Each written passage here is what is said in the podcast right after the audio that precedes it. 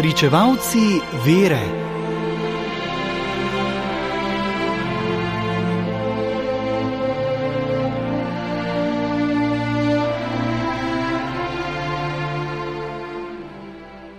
Danes zgoduje milanski načkov iz 16. stoletja Karel Boromejski.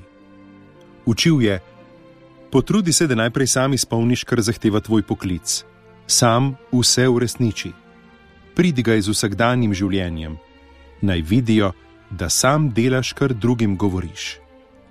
Posebno zanimiv in prikupen je današnji svetnik zato, ker je zversko obnovo v duhu Tridentinskega koncila začel od zgoraj navzdol z nastopom na papeškem dvoru, v Škofiji, ki je bil postavljen za pastirja. Odtot je našel pot med preproste vernike in se končno izčrpal v delu za njihovo večno srečo. Karel Boromejski je izhajal iz ene najuglednejših rodbin v Milanski kneževini, ki je bila v sorodstvu z več vladarji. Rodil se je 2. oktober 1538 kot tretji otrok senatorja Gilberta Boromeja in Margarite Medici. Starši so bili pobožni, globoko verni in dejavni v ljubezni do bližnjega.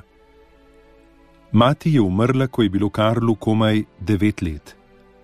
Oče se je znova poročil, kajti družina s šestimi otroki je potrebovala drugo mater. Upravljala je vrsto crkvenih posestev in je tako bila v tesni zvezi s predstavniki cerkve. Po tedajni navadi je bil Karel že sedmimi leti uvrščen med klerike, da je lahko sprejel upravo crkveno posest. Šolanje je začel v Milanu, ko mu je bilo 14 let, se je opisal na univerzo v mestu Pavija. Tam je študiral pravo in študij po sedmih letih dokončal z dvojnim doktoratom. Za svojega zavetnika so Karla Boromenskega izbrali dušni pastirji, vzgojni zavodi in bogoslovna semenišča.